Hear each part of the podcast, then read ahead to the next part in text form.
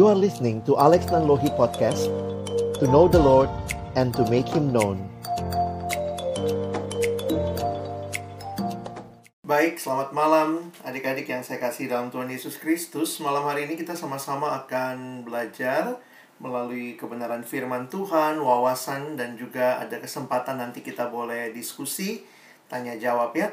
Nah, mari kita sama-sama melihat malam hari ini. Um, Abang coba share screen ya saya sudah siapkan satu presentasi bagi kita. Jadi nanti kita bisa uh, sama-sama melihat apa yang uh, jadi bagian yang kita akan pelajari bersama. Sebentar.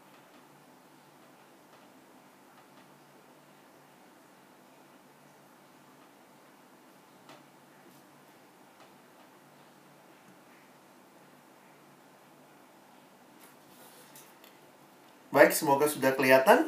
Jadi tolong pin yang nama saya yang satu lagi supaya nanti juga kalian bisa lihat presentasinya. Nah, saya ingin mengajak kita melihat sama-sama di dalam Injil Lukas ya. Kita lihat dalam Injil Lukas pasal yang ke-24 ayat 25 sampai dengan ayat yang ke-27.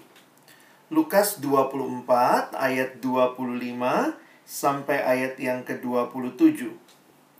Abang akan bacakan, kalau kalian punya Alkitab, boleh ikuti di Alkitabmu. Kalau tidak, kalian bisa dengar ya. Saya akan bacakan mulai dari ayat yang ke-25. Lalu ia berkata kepada mereka, Hai kamu orang bodoh, betapa lambannya hatimu, sehingga kamu tidak percaya segala sesuatu yang telah dikatakan para nabi. Bukankah Mesias harus menderita semuanya itu untuk masuk ke dalam kemuliaannya. Lalu ia menjelaskan kepada mereka apa yang tertulis tentang dia dalam seluruh kitab suci, mulai dari kitab-kitab Musa dan segala kitab nabi-nabi. Nah, teman-teman yang dikasihi Tuhan, menarik memperhatikan apa yang terjadi ketika Yesus bersama dengan murid-muridnya ini dalam perjalanan ke Emmaus, ya Sebenarnya ada hal yang menarik untuk kita perhatikan dari apa yang disampaikan secara khusus di dalam ayat yang kita baca tadi. Waktu kita membaca di dalam ayat yang ke-26 contohnya, dikatakan, Bukankah Mesias harus menderita semuanya itu untuk masuk dalam kemuliaannya? Lalu lihat ayat 27, Lalu ia, Yesus menjelaskan kepada mereka, kepada kedua murid itu, apa yang tertulis tentang dia, tentang Yesus, di dalam seluruh kitab suci. Mulai dari kitab-kitab Musa, berarti kitab Taurat, dan segala kitab nabi-nabi. Nah, teman-teman, apa yang menarik untuk kita perhatikan bahwa ketika Tuhan Yesus menyampaikan ini kepada dua murid dalam perjalanan ke Emmaus itu uh, membuat kita menyadari begini. Nah, ini pertanyaannya ya. Abang langsung masuk ke aplikasi karena ini topik yang luas. Saya coba ajak kita berpikir bersama nanti kita bisa berdiskusi. Jadi kalau ditanya Alkitab kita ini ya, Alkitab kita ini apakah itu sebuah cerita atau kumpulan cerita. Nah, menarik ya. Apakah Alkitab kita ini sebuah cerita, a story, atau a collection of stories? Nah, dari kalimat Yesus tadi, bagi saya jadi menarik juga begitu ya.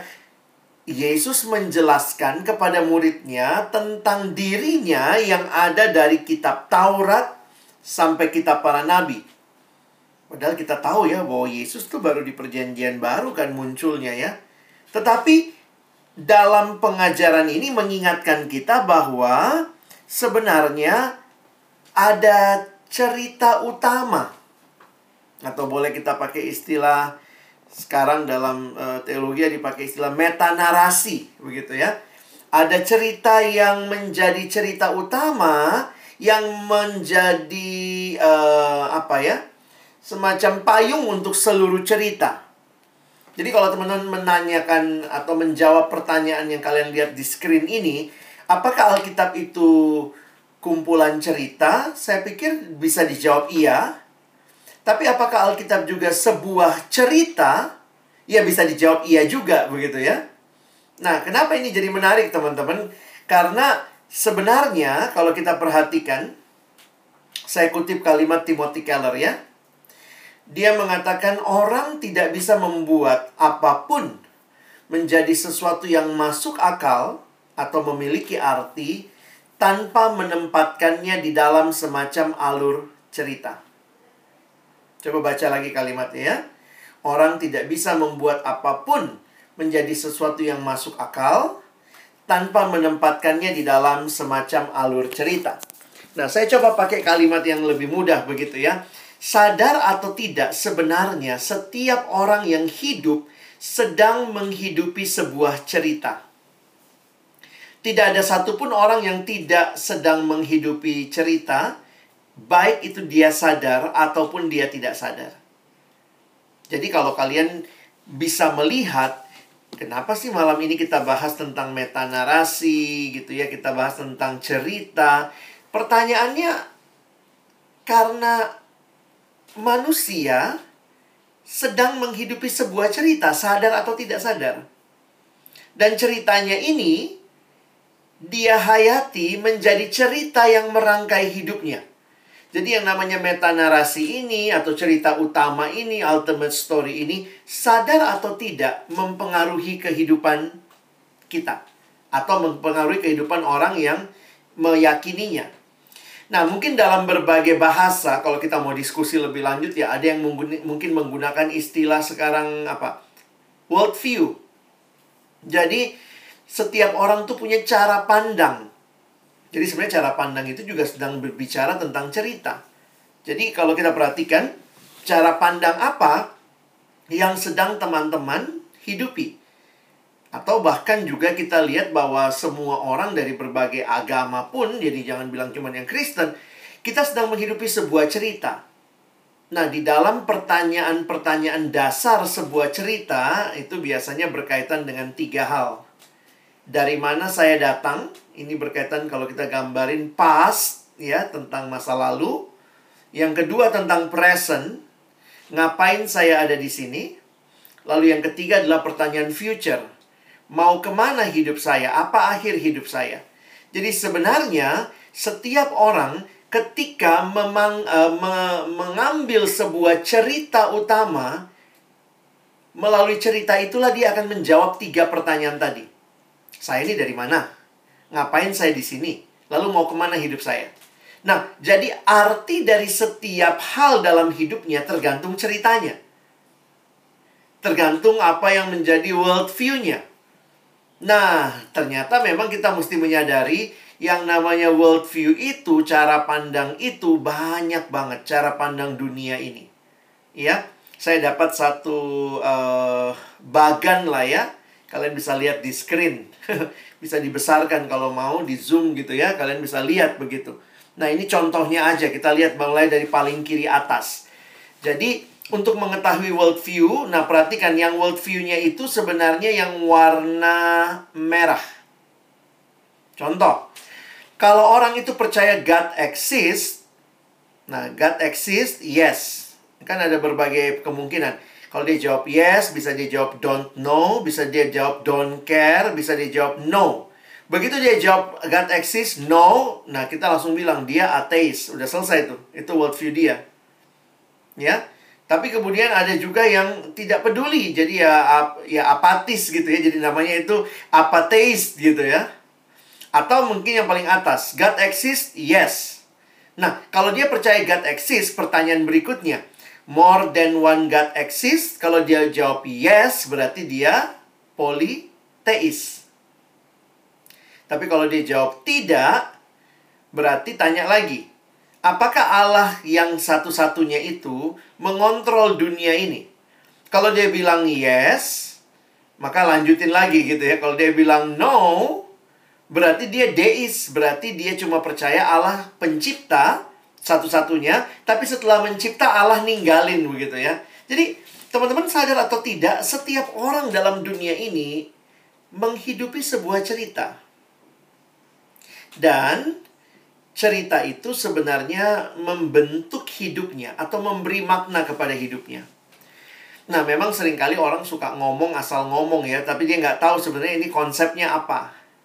Jadi misalnya uh, abang denger ya ada yang bilang gitu, lu jangan kayak gitulah, kau jangan kayak gitu. Kenapa? Nanti karma, kau karma gitu ya. Sebenarnya dari mana sih konsep karma? Sebenarnya itu juga cara pandang ya. Cerita, sebuah cerita karena kalau karma itu dikenal dalam agama-agama yang percaya reinkarnasi. Itu kenapa? Karena mereka menghayati cerita hidup itu tuh tidak berjalan linier, tetapi berjalannya sirkular. Nah, jadi buat orang yang mengerti, jadi misalnya sekarang dia hidup nih, terus kemudian nanti dia mati. Nah, mereka percaya akan hidup lagi. Nah, jadi karena mengertinya sirkular, karena mengertinya itu terus berulang, terus berulang, maka mereka mengenal konsep karma. Mereka nggak kenal konsep dosa, jangan pikir dosa sama-sama karma, pada intinya itu beda sekali. Karena karma itu mengatakan kalau kamu melakukan yang baik, maka yang baik juga akan terjadi padamu. Di hidup ini atau di hidup yang akan datang. Karena ini akan berputar. Sementara dosa itu adalah konsep dari agama yang mengakui linier. Bermula di satu titik, bergerak maju, dan nggak bisa reversible. Allah menetapkan manusia dicipta, lalu bergerak maju, dan nanti ada penghakiman. Jadi dosa itu kalau agamanya linier, Makanya ada penghakiman. Makanya kita meyakini dosa itu ada konsekuensinya. Kalau karma itu enggak. Itu modelnya kalau kamu baik, kamu data hidup dikasih yang lebih baik. Kalau kamu jahat nanti turun di hidup kemudian kamu dapat karma buruk dan seterusnya. Nah, jadi sebenarnya teman-teman mesti sadar ya, kita sedang hidup dalam dunia. Kalian mahasiswa ya. Saya bicara-bicara lebih berat sedikit karena ini pertarungan filosofi pertarungan ide, baik dari hal yang sangat rumit sampai hal yang bahkan sangat-sangat praktis. Kadang-kadang saya pikir kita mesti mengkritisi juga ya. Sekarang kan kayak suka ngomong gitu ya, apa uh, jangan lupa bahagia gitu ya. Itu kayaknya sering kali kita dengar gitu ya. Kamu berhak bahagia. Tapi pertanyaannya begini, jangan-jangan orang bisa merasa bahagia tanpa taat kehendak Tuhan. Jadi lucu juga gitu ya. Worldview apa yang dia pakai untuk bahagia? Jadi bisa bahagia tanpa uh, taat kehendak Tuhan. Lihat orang pacaran jangan lupa bahagia ya, padahal dia beda agama gitu misalnya, beda kepercayaan. Kalau dia anak Tuhan, anak persekutuan, eh kok pacarnya sama yang tidak seiman. Terus ngomongnya itu jangan lupa bahagia. Ini bahagia apa nih? Konteksnya apa? Nah, jadi sebenarnya penting sekali untuk kita melihat harusnya cerita apa yang membingkai hidup kita. Cerita apa yang memberikan makna kepada hidup kita. Karena kalau tidak, yang terjadi adalah kita hanya menghidupi hidup, kita buat ceritanya berdasarkan apa yang kita mau. Nah, karena kita orang Kristen, tentunya uh, cerita utama kita, meta narasi kita, seharusnya dari Alkitab. Makanya menarik sekali waktu tadi kita diskusi di awal bahwa yang namanya Alkitab memang di dalamnya ada kumpulan cerita-cerita, ada ceritanya Abraham, ada ceritanya Musa, ada ceritanya Daud, tetapi ketika kita melihat Alkitab itu dari awal sampai akhir ada cerita utama yang yang yang ada benang merahnya begitu rupa ya. Dan Yesus sendiri mengatakan di dalam Lukas tadi bahwa dialah tokoh dari seluruh cerita itu. Kadang-kadang kita bingung di mana Yesus di kitab Kejadian. Di mana Yesus di kitab Mazmur. Di mana Yesus di kitab Amsal. Padahal kan tadi dikasih tahu bahwa menjelaskan tentang dia mulai dari kitab kitab-kitab Musa, kitab Taurat dan seterusnya. Ini mau menunjukkan bahwa sebenarnya ada sebuah cerita besar. Nah, ini yang kita hayati sekarang dalam diskusi-diskusi bahwa kita sedang menghidupi sebuah cerita besar atau the big story yang bersumber dari Alkitab. Beberapa buku yang bisa menolong kalian memahami hal ini sudah kami terbitkan juga di Perkantas, yaitu buku uh, God's Big Story, ya. Dari Vaughan Roberts sebelah kiri itu buku aslinya berbahasa Inggris Sebelah kanannya ini yang kami terjemahkan ya, gambar besar dari Allah. Nah, apa yang menarik? bahwa cerita yang ada, nah saya coba sedikit ulas buku ini ya. Buku ini punya perspektif yang menarik karena Vaughan Roberts melihat bahwa cerita Alkitab itu adalah sebuah cerita kerajaan, ya. Jesus story is the kingdom story. Oh, dari mana lihatnya? Sebenarnya sederhananya begini ya. Konsep kerajaan Allah itu sebenarnya sudah ada sejak penciptaan. Karena contoh lah, kalau abang misalnya ciptakan benda ini ya, ini iPad saya. Kalau saya ciptakan benda ini, maka begitu benda ini dicipta, punyanya siapa? Siapa yang memiliki benda ini? Ya penciptanya. Nah, penciptanya yang memiliki benda ini, maka pertanyaan lebih lanjut, siapa harusnya yang benda ini layani? Penciptanya. Siapa rajanya benda ini? Penciptanya. Jadi, begitu Allah menciptakan seluruh dunia ini, ini bicara dunia milik Allah, berarti dunia yang di dalamnya Allah harusnya jadi raja. Makanya pendekatan yang diambil oleh uh, Vaughan Roberts dalam bukunya dia mengambil pendekatan kingdom story. Mulai dari awal terus begitu ya, dia melihat sampai nanti langit baru bumi baru.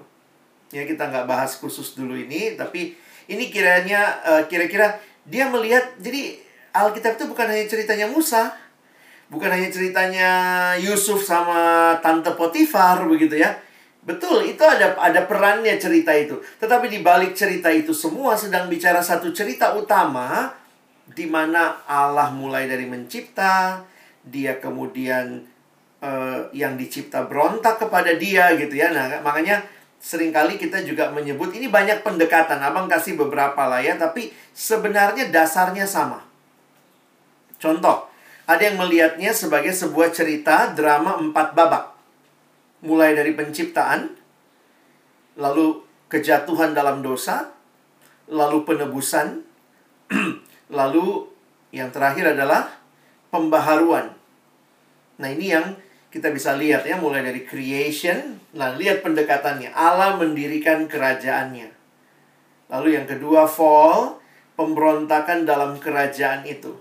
Lalu redemption itu dimulai dari sang raja memilih Israel. Lalu kemudian sang raja datang sendiri. Lalu kemudian sang raja kan kembali ke surga ya. Nah, dia kasih kepada kita tugas untuk memperluas kerajaan itu dan dia berjanji dia pasti akan datang kembali. Itulah babak yang keempat. Jadi Alkitab adalah sebuah drama empat babak. Kalau kita peres begitu rupa, inilah ceritanya Alkitab. Nah, ini yang harusnya kita ingat. Kalau ini cerita Alkitab dan kita anak-anak Tuhan adalah orang yang terhisap dalam cerita besar ini, nah, bagaimana kita bersikap? Ya.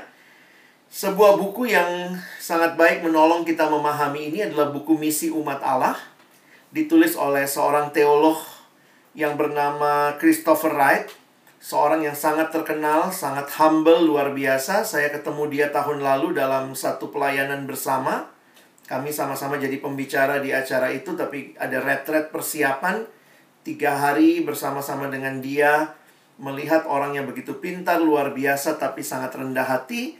Dan dia adalah konseptor yang sangat ulung untuk perjanjian Lausan, ya.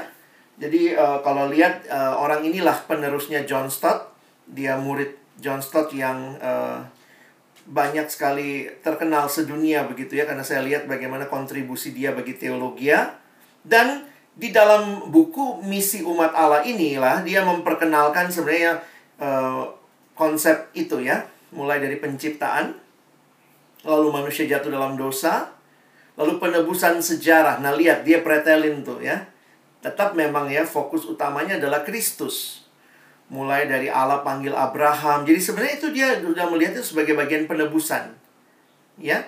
Lalu kemudian dibawalah sampai akhirnya ciptaan baru.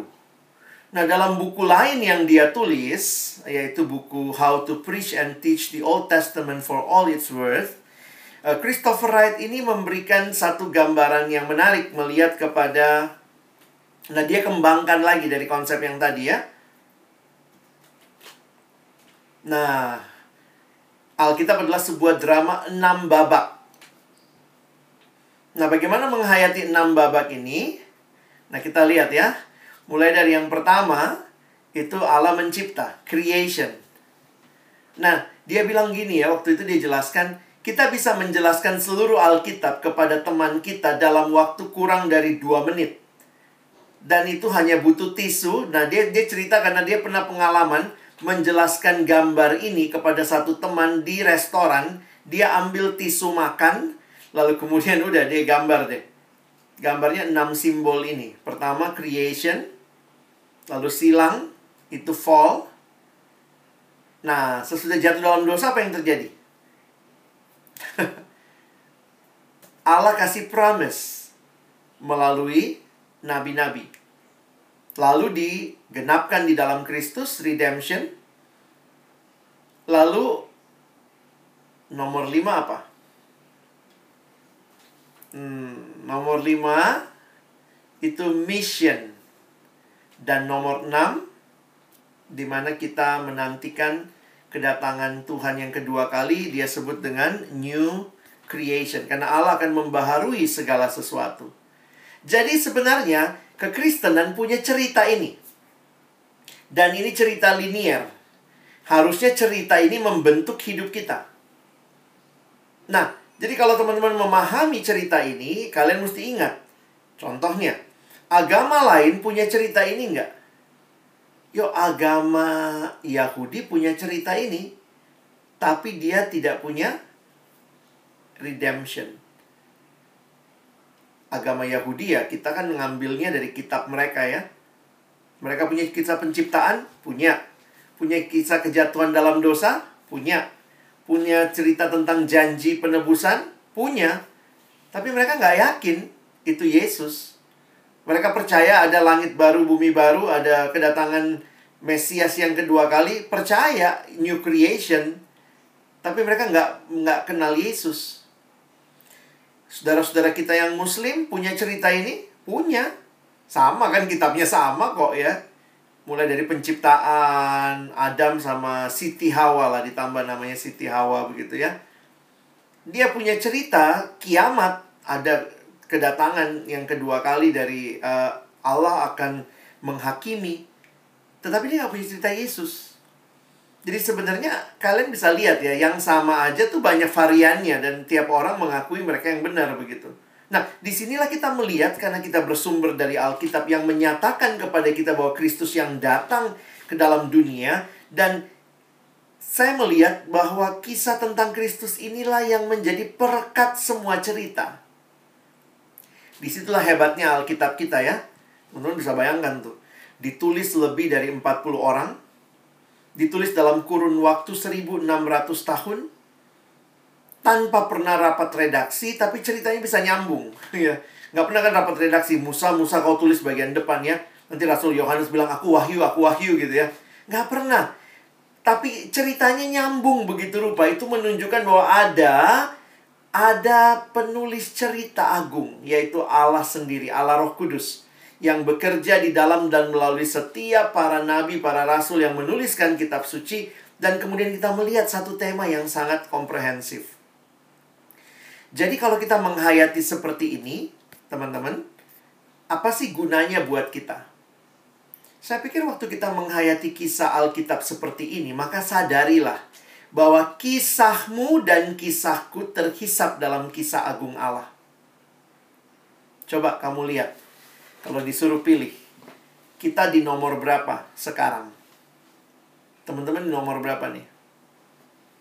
Ayo, ayo biar nggak ngantuk, ayo ketik di room chat.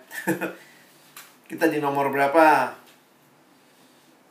Biar di chat, biar nggak tidur kalian ya. Nanti aduh udah tertidur dengan santainya.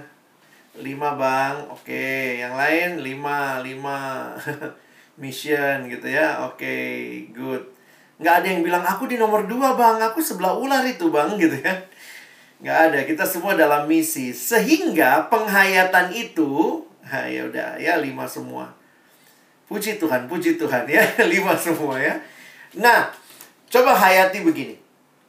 Berarti kita bisa melihat hidup kita sekarang adalah sebuah misi. Misinya Allah. Teman-teman, sekarang sadari begini. Kalau kita mengerti meta narasi ini, kisah besar Alkitab ini, maka engkau bisa menyadari bahwa yang terjadi bukannya saya yang punya cerita, lalu saya minta Tuhan terlibat dalam cerita saya. Kadang-kadang kita berpikirnya begitu. Aduh, ini cita-citaku, aku nanti kalau lulus mau ini, ini, ini. Ini ceritaku. Lalu kemudian Tuhan, aku undang kau terlibat dalam ceritaku. Itu cara pikirnya kalau kamu rasa fokusnya adalah dirimu. Tapi kalau kamu lihat bahwa ada cerita besarnya Tuhan, maka sadari bahwa sebenarnya Tuhan yang punya cerita, lalu Tuhan memasukkan kita dalam ceritanya. Kamu aja bisa langsung ngomong, aku nomor lima bang, aku nomor lima bang. Kok bisa? Karena sebenarnya ini bukan ceritamu, ini ceritanya Allah yang sedang melibatkan kamu. Jadi sekali lagi jangan salah salah pikir ya. Waktu saya belajar meta narasi ini, cerita besar Alkitab ini, saya makin sadar dan makin merendahkan diri bahwa bukan saya yang atur hidup saya. Dulu saya pikir saya sutradaranya. Saya sutradaranya, saya mau apa, saya mau apa, saya mau apa, lalu nanti ya Tuhan saya masukkan dalam cerita supaya ada Tuhan-Tuhannya. Jadi saya undang Tuhan, saya casting dulu. Tuhan bisa nggak jadi Tuhan dengan baik? Ayo, saya undang dalam hidupku. Tapi setelah saya mengerti cerita ini, saya sadar bahwa cerita utamanya sutradaranya Tuhan. Saya yang diundang jadi aktor di dalamnya. Sehingga saya tidak sedang menghidupi cerita saya saja. My story in his story. Saya pikir tema kita malam ini jelas.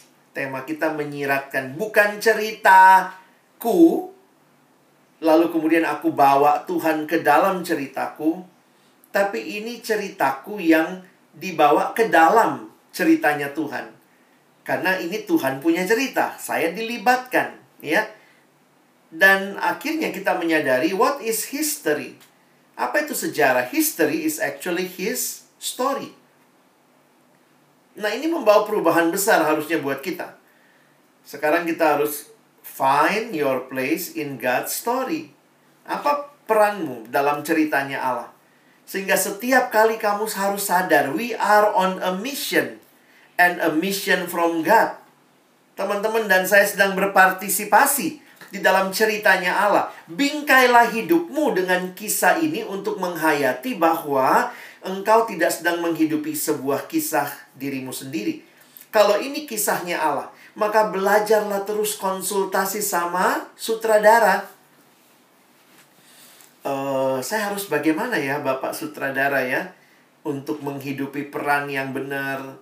Kira-kira ekspresi saya harus seperti apa? Nanti gaya saya harus seperti apa? Nah, saya membayangkan kalau engkau belajar menempatkan hidupmu di dalam kisahnya Allah, maka waktu engkau berdoa, engkau bersaat teduh, kau lakukan itu untuk terus bisa sejalan dan seirama dengan kisahnya Allah. Jadi akhirnya bagaimana melihat studimu? Studimu adalah misi, misinya Allah. Bagaimana melihat pacaran? Oh, pacaran juga harus dilihat. Makanya ada yang nanya, Bang, apa sih tujuan pacaran kalau kau mengerti dalam poin ini? Tujuan pacaran bukan menggenapkan maumu, menggenapkan misi Allah. Jadi akhirnya itu mempengaruhi cara kita belajar, mempengaruhi cara kita bergaul. This is not my life, it's God's life yang di dalamnya kita dilibatkan oleh Tuhan dalam ceritanya. Mempengaruhi caramu berpacaran. Dan bagi saya ini semua harusnya sekali lagi bagi kemuliaan Tuhan. Because this is not my story only. This is his story. Dan saya diundang masuk, saya diundang untuk berbagian dalam kisah yang indah. Nah, teman-teman, ini konsepnya yang saya ingin bagikan malam hari ini. Uh, kita bisa dalami, bisa cari buku-buku yang lain, tapi selebihnya abang kasih kesempatan teman-teman bertanya. Mungkin waktu kita bertanya uh, bisa berdiskusi, ada hal-hal yang mungkin akan bisa kita terapkan lebih khusus lagi. Terima kasih. Saya kembalikan kepada moderator mungkin ya sebelum masuk tanya jawab. Uh, Ya, kita langsung ke tanya jawab teman-teman. Uh, boleh langsung diaktifkan mic-nya yang mau uh, bertanya atau melalui kolom chat juga dipersilahkan.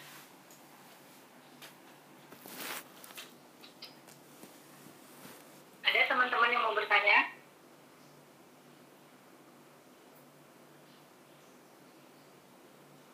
Uh, mungkin harus dipancing dulu ya. Uh, ya Ikan, uh, dipancing dulu. Teman-teman yang lain. ya sambil menunggu teman-teman yang lain, saya mau bertanya ya bang. Ya, silakan Dek. Uh, kita uh, tadi di, di uh, bukakan bahwa kita uh, berada dalam ceritanya Allah itu gitu. tapi masih banyak kita yang uh, yang saya lihat juga yang belum benar-benar mengetahui bahwa saya dalam uh, apa saya uh, cerita yang saya uh, jalani sekarang sekarang ini adalah ceritanya Allah gitu. Jadi uh, gimana sih bang langkah-langkahnya gitu agar kita sampai ke titik sadar gitu. Ke titik sadar bahwa uh, cerita yang aku jalani ini ya seperti yang aku bilang tadi cerita yang aku jalani sekarang adalah ceritanya Allah gitu. Ya, saya pikir sih semua harus bermula dari perjumpaan dengan Allah.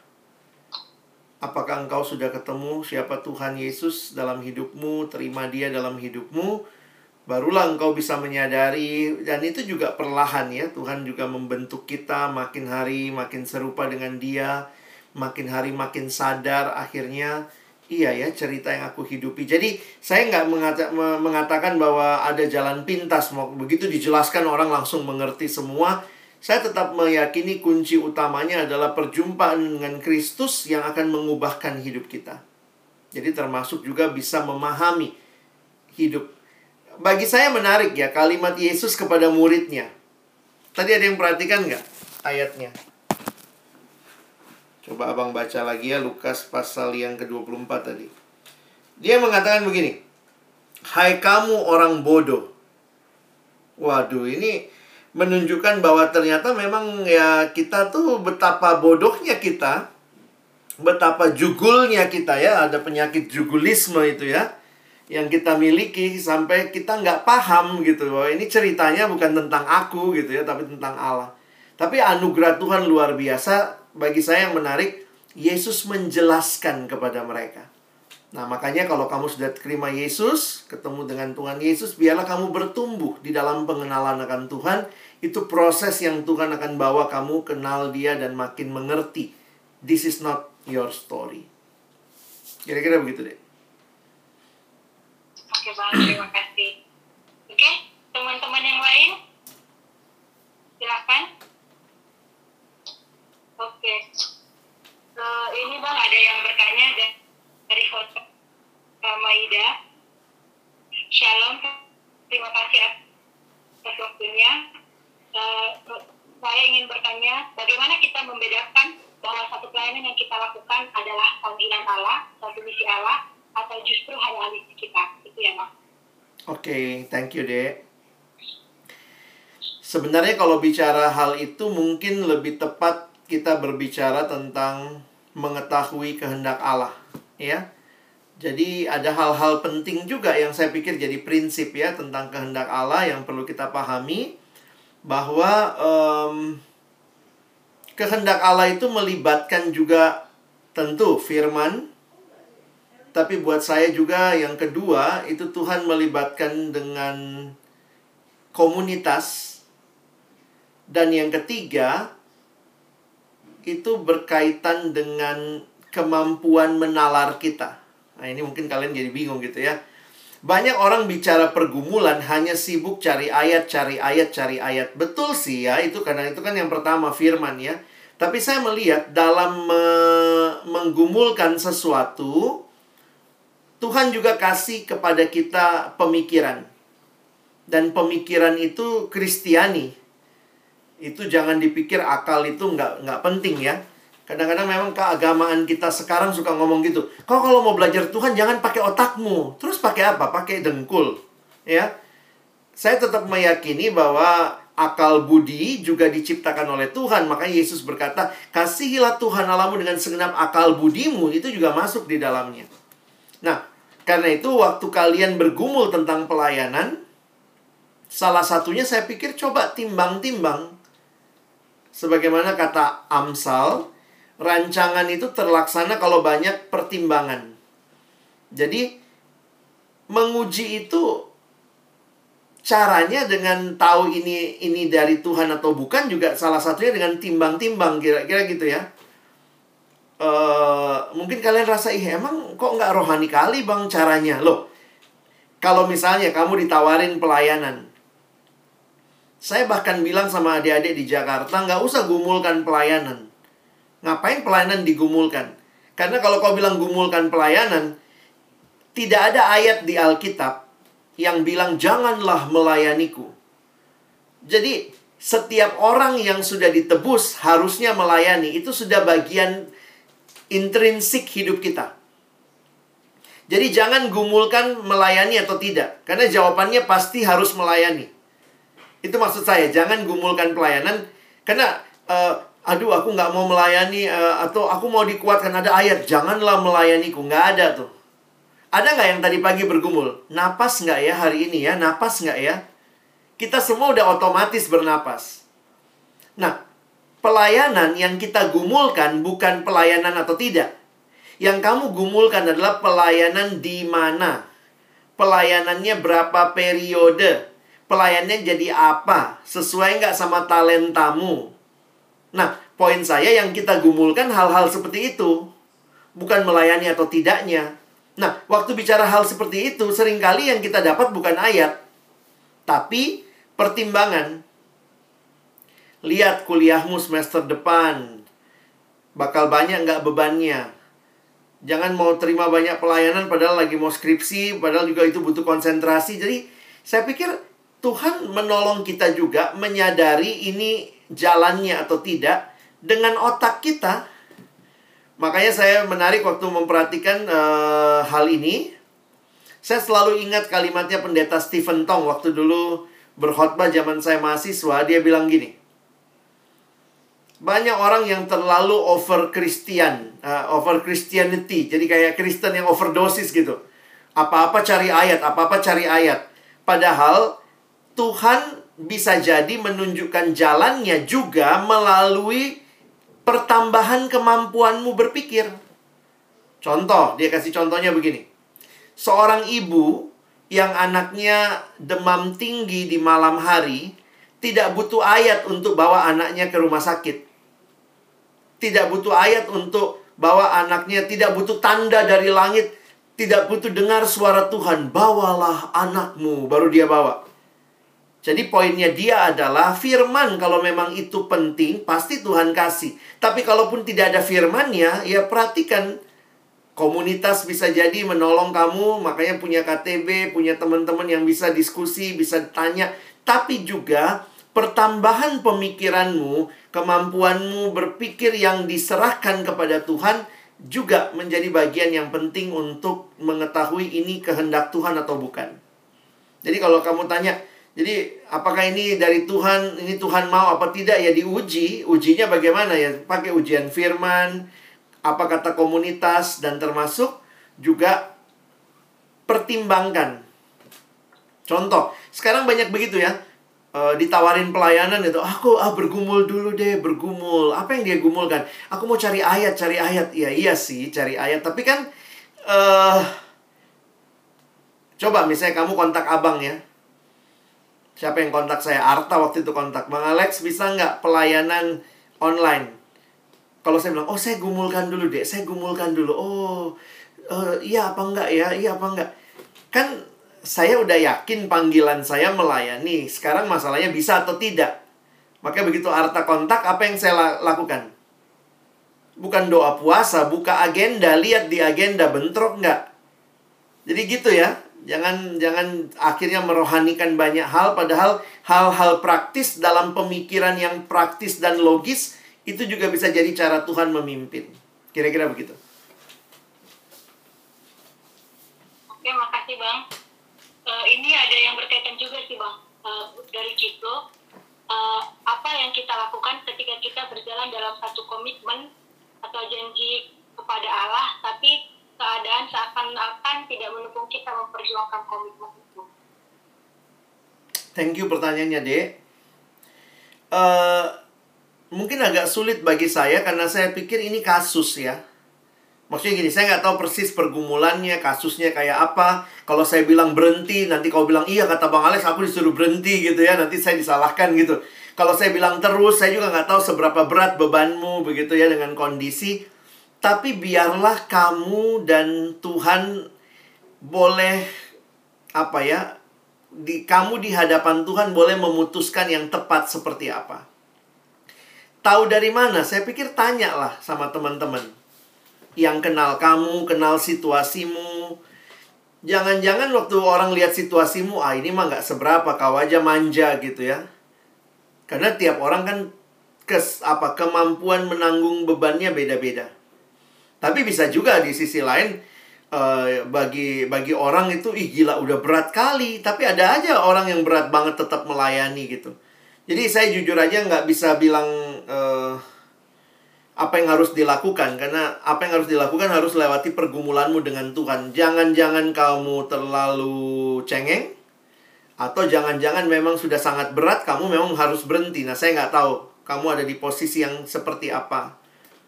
Tapi Tuhan Yesus pelayanan sampai mati ya. Jadi sebenarnya kadang-kadang saya mikir gini, kalau kita belum mati jangan ngeluh ya. Jadi ada anak bilang sama saya, Bang, aku kesel banget bang. Aku pelayanan capek. Aku begini, aku begini, aku begini. Terus aku bilang, oh, belum mati kan? Belum sih bang. Nah, Yesus sampai mati. Jadi nggak boleh ngeluh bang. E, boleh sih, tapi e, boleh ngeluhnya kalau udah mati gitu ya. Nanti kalau kau ngeluh gitu, Tuhan karena melayanimu aku mati. Tuhan bilang, aku juga mati. Sama kita gitu ya. Jadi poinku adalah e, ya tentu ada situasi-situasi yang berat. Kamu mungkin bukannya mundur, tapi berhenti dulu sebentar. Itu mungkin juga. Saya nggak tahu persis kondisinya. Jadi saya nggak kasih jawaban apa yang harus dilakukan ya. Oke, makasih Bang. Sama-sama. Ada lagi pertanyaan. Uh, jika Alkitab adalah sebuah cerita yang sama, apakah kedatangan Yesus di Perjanjian Baru bukan alternatif dari kegagalan rencana di Perjanjian Lama? Buat kita yang melihatnya secara bertahap kelihatannya kegagalan sih. Tapi realitanya waktu saya menghayati ini sebuah cerita, saya pun belajar mengimani bahwa Tuhan bukannya begini ya. Manusia ini dicipta lalu ih jatuh dalam dosa lalu Tuhan bilang ah ganti rencana. Plan B, plan B. Terus Tuhan pakai Israel. Habis itu, habis jatuh dalam dosa kan Tuhan pulihkan air bah. Habis air bah, bandel lagi. Waktu udah bandel gitu, ah, ah plan C, plan D. Tuhan kita saya yakin sih tidak seperti itu. Walaupun di dalam waktu kita melihatnya seperti berjalan ada rencana baru setelah rencana sebelumnya gagal, tapi saya tetap meyakini dalam anugerah Allah yaitu satu cerita Nah, itu uh, ya butuh penjelasan lah ya, tapi poin saya adalah saya tidak melihat kegagalan lalu ganti cerita, tidak. Tetap satu cerita. Bagi saya sejak awal sebenarnya satu cerita. Oke. Okay. Oke, Bang. Uh, untuk teman-teman yang lain masih ada kah yang mau didiskusikan, mau bertanya? Masih kita masih ada waktu. Langsung bicara juga bisa ya teman-teman. Iya, boleh open mic ya.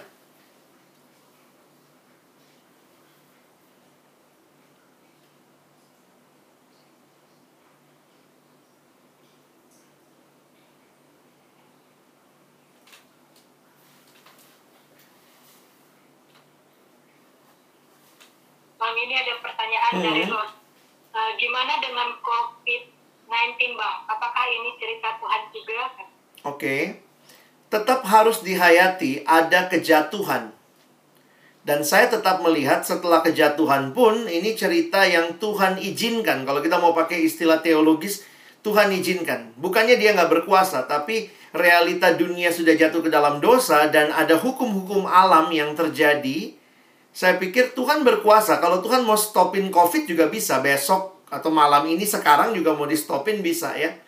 Tapi ketika ini terjadi gitu ya, banyak orang yang ambil kesimpulan langsung kalau ada hal buruk pasti berarti nggak ada Tuhan begitu. Pasti Tuhan nggak benar gitu. Tapi saya justru melihat sebenarnya ini menunjukkan bahwa dosa memang mengerikan. Makanya kita butuh penebusan.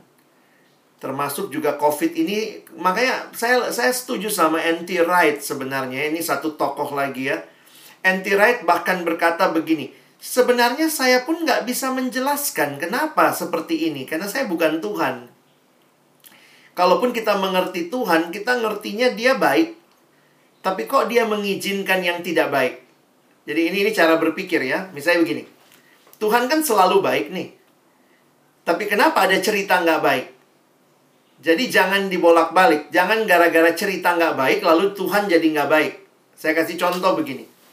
Beberapa kali abang kan datang ke sekolahan pimpin kebaktian penyambutan, eh, kebaktian persiapan ujian nasional. Biasalah anak-anak SMA ya. Mau ujian nasional aja kebaktian gitu ya. Lalu kemudian uh, saya tanya sama mereka. Adik-adik, kalau kalian lulus ujian nasional, Tuhan baik Oh, semua jawab baik. Gampang banget jawab. Kalau kalian tidak lulus ujian nasional, Tuhan baik? Uh, ma, ba, gitu ya. Langsung gagap menjawab. Pertanyaan saya, apakah Tuhan jadi baik atau tidak baik tergantung pengalaman kita? Kalau yang kita mau tidak terjadi berarti Tuhan nggak baik. Ini nggak baik kali jadi Tuhan ya, nggak becus jadi Tuhan.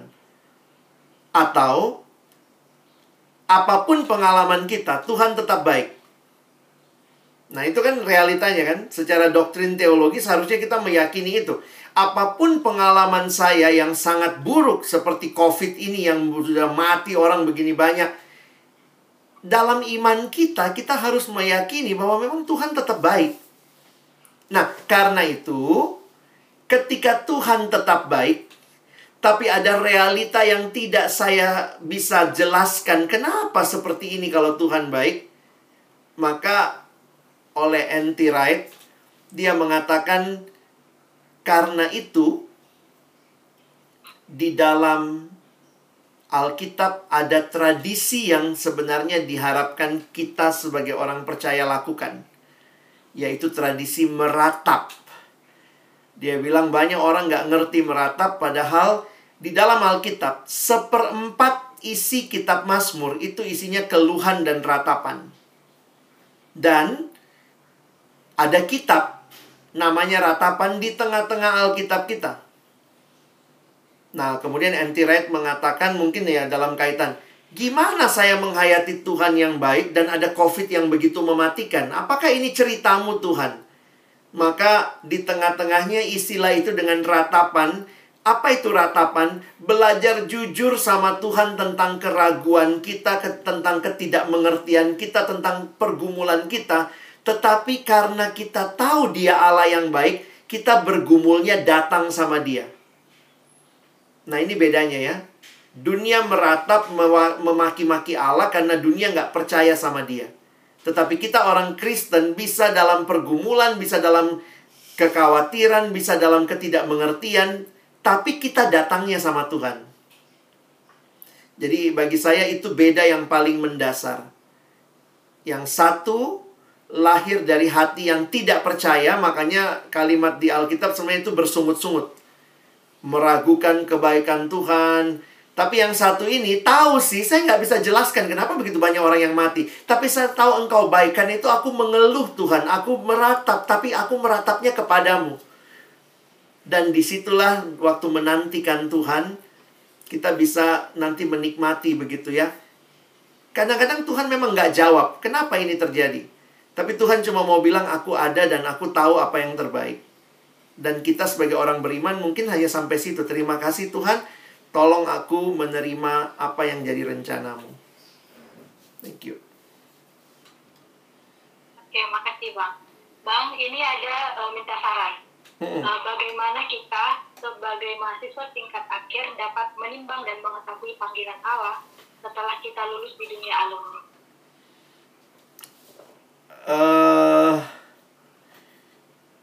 Kalian perlu dengar ini ya, ini ini sesi lain sebenarnya. um, menimbang itu butuh pemikiran, butuh nasihat, butuh butuh masukan.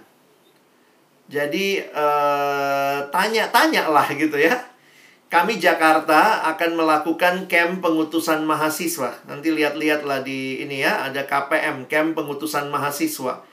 Jadi itu adalah camp untuk mahasiswa tingkat akhir. Kami lakukan secara online tanggal 20 dan 21 Agustus ini. Coba cek di IG-nya kalau kalian mau ikut coba daftar. Kami merencanakan 1000 mahasiswa se-Indonesia tingkat akhir memang prioritasnya di daerah-daerah tertentu karena itu adalah acara dari Perkantas Jakarta ya, tapi kami juga mencoba membuka kuota buat daerah-daerah lain. Apa yang kami lakukan salah satunya adalah bikin kelas di mana ada alumni yang sudah berperan di bidang itu dan mereka akan sharing sama adik-adiknya. Jadi kami kasih kesempatan satu orang boleh pilih dua kelas karena mungkin kau masih bingung. Aduh enaknya eh, pendidikan atau PNS ya. Atau misalnya apalah eh, hukum atau pendidikan ya. Ini ada beberapa teman yang minatnya banyak. Nah, kami kasih kelas. Kelasnya itu di dalamnya ada praktisinya. Oh, Medan dikasih ya. Oke, baguslah ya. Uh, dan nanti ada wawasan. Jadi saya jujur aja untuk untuk teman-teman yang lagi timbang-timbang cari informasi itu Kristiani itu cari informasi. Terus ada yang jadi gini ya, pengalaman Abang begini. Banyak orang takut sekali salah pilih. Tapi gara-gara sangat takut salah pilih jadinya tidak memilih. Nah, itu juga salah. Aduh, nanti aku salah pilih, nanti aku salah pilih. Eh, malah nggak milih. Ada anak datang sama saya, Bang, gimana Bang? Aku takut salah pilih.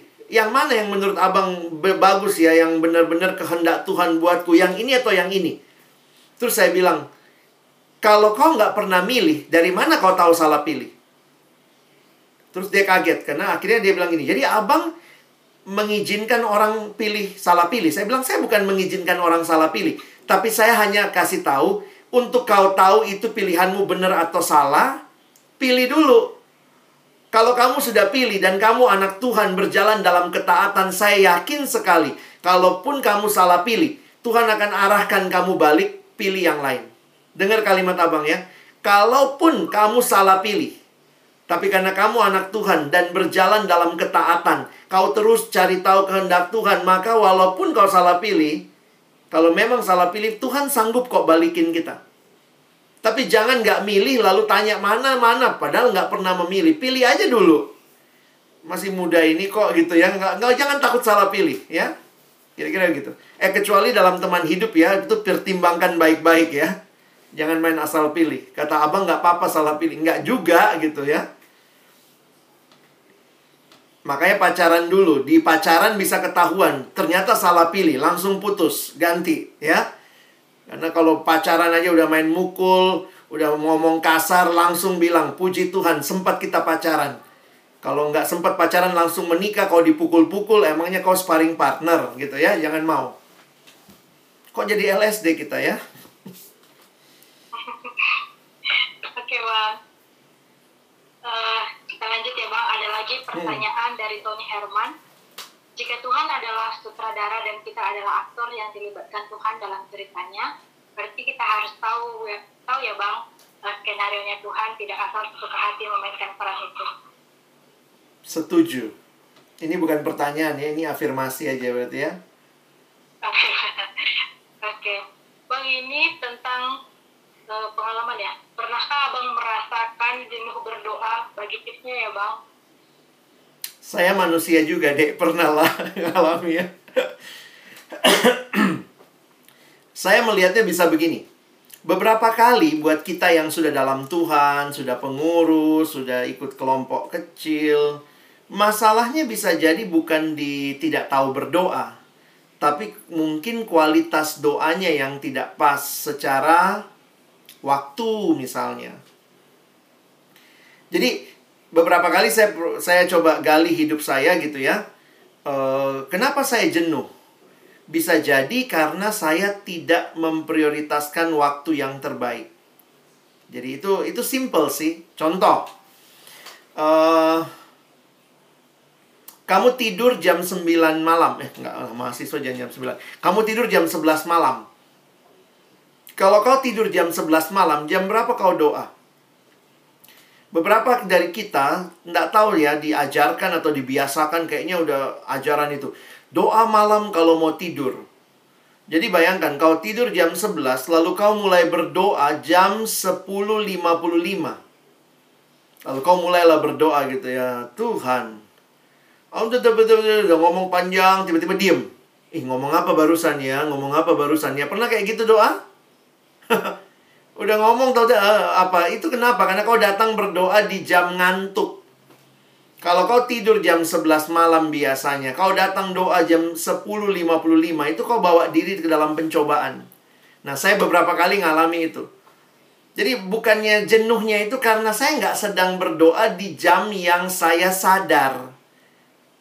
Jangan datang di jam tidur, datanglah di jam-jam yang sebelum kau tertidur yang saat-saat kau lagi ngeh.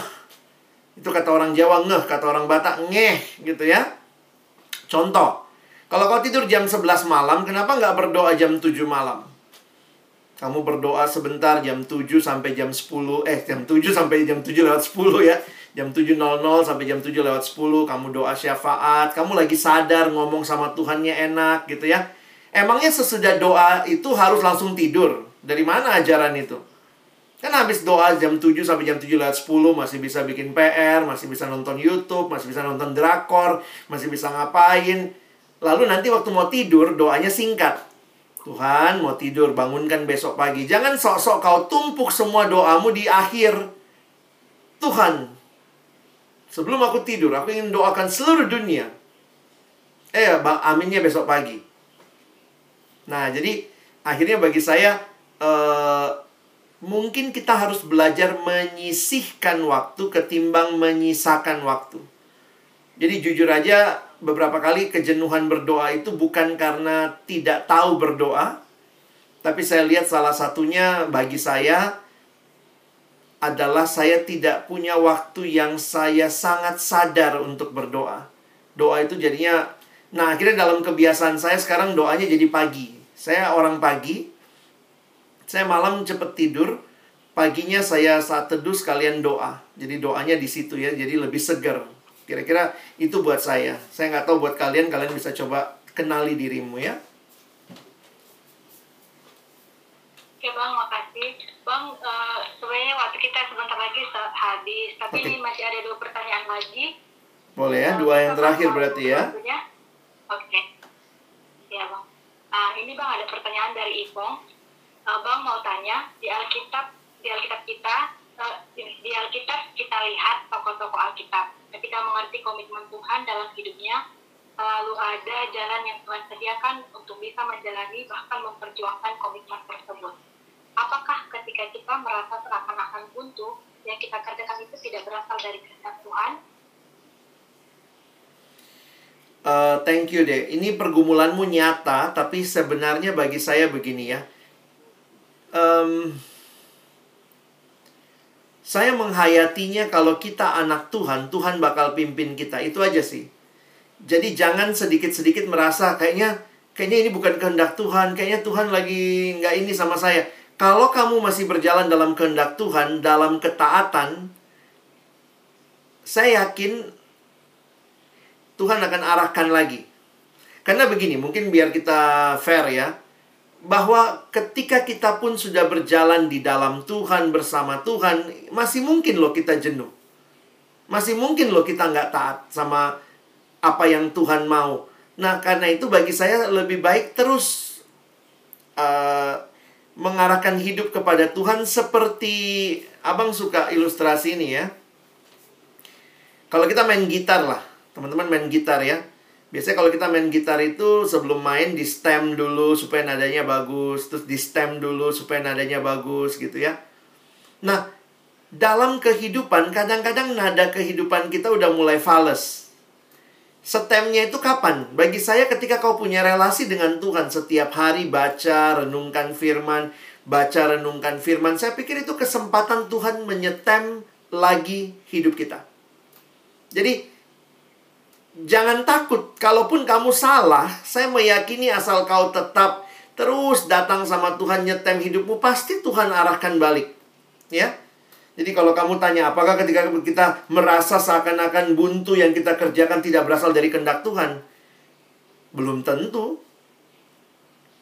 Nah, dari mana kamu tahu ya? Saya tetap meyakini selalu firman, komunitas, dan bagaimana Tuhan memakai pertambahan nalar kita. Coba pikir baik-baik. Sebenarnya ini kehendak Tuhannya. Kalau kehendak Tuhan itu kan bagi saya begini. Akan memuliakan Tuhan, akan berguna buat orang lain, dan kamu sendiri akan merasa tenang dan sukacita. Jadi coba, coba di apalah ya, di digumulkan di hadapan Tuhan. Tapi kalaupun salah, tapi kau taat, kau belajar terus nyetem hidupmu sama Tuhan setiap hari, saya yakin kok Tuhan bakal balikin kita. Ya gitu ya, jangan terlalu takut. Uh, ini kehendak Tuhan, ini bukan. Lama-lama kita jadi kayak orang lama-lama kita bisa meragukan Tuhan. Nih kok Tuhan jadi izinkan aku begini sih? Bagi saya itu jadi malah menyedihkan ya. Hidup kerohanian kita tuh bukan hidup dalam ketakutan. Hidup dalam keyakinan ada Tuhan. Jadi kayak bapak sama anak gitu ya kadang-kadang anaknya bandal dibalikin gitu.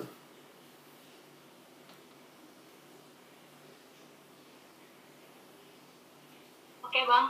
Uh, untuk pertanyaan terakhir dari Teguh Pari ini pertanyaan personal bang. Tentang pengalaman abang ketika pertama berjumpa dengan Tuhan hingga mengubahkan hidup abang secara total. Itu boleh di-sharingkan bang? Untuk lebih lengkapnya nonton IG saya aja ya beberapa waktu yang lalu ada wawancara dari seorang teman tentang perubahan hidup. Jadi ada teman dia memang mewawancara uh, pertobatan para hamba Tuhan. Nah, waktu itu dia pilih saya ada di IG IG feed saya ya, IG TV. Singkatnya saya kenal Tuhan pribadi SMA. Saya merasa anak yang baik karena saya lahir dari keluarga latar belakang Kristen, keluarganya baik-baik saja, harmonis, nggak ada hal yang luar biasa saya punya prestasi studi yang banyak. Termasuk waktu itu saya dapat kesempatan jadi siswa teladan mewakili provinsi saya ke Jakarta. Saya anak daerah, waktu itu mewakili provinsi saya ke Jakarta, ketemu presiden ya waktu saya masih SMP itu kelas 3. Tapi semua itu ternyata eh, kebanggaan-kebanggaan yang bagi saya saya tidak kenal Tuhan. Padahal saya kelas 3 SMP itu saya sudah jadi asisten ngajarnya guru sekolah minggu. Jadi mungkin karena saya kelihatannya baik, prestasinya bagus, uh, mukanya juga uh, anak baik-baik gitu ya. Jadi saya bahkan bisa mengelabui uh, kakak kakak-kakak sekolah minggu sampai saya masih muda begitu dipercayakan terlibat begitu ya. Tapi saya nggak kenal Tuhan secara pribadi, saya hanya Kristen tradisi. Jadi saya memang dasarnya nggak nakal-nakal amat. Tapi sebenarnya salah satu yang menjadi kengerian saya uh, terjebak sama pornografi dari kelas 5 SD. Nah, kelas 1 SMA, saya masuk ke sekolah saya dan bersyukur sekolah saya dilayani oleh perkantas. Waktu saya masih SMA.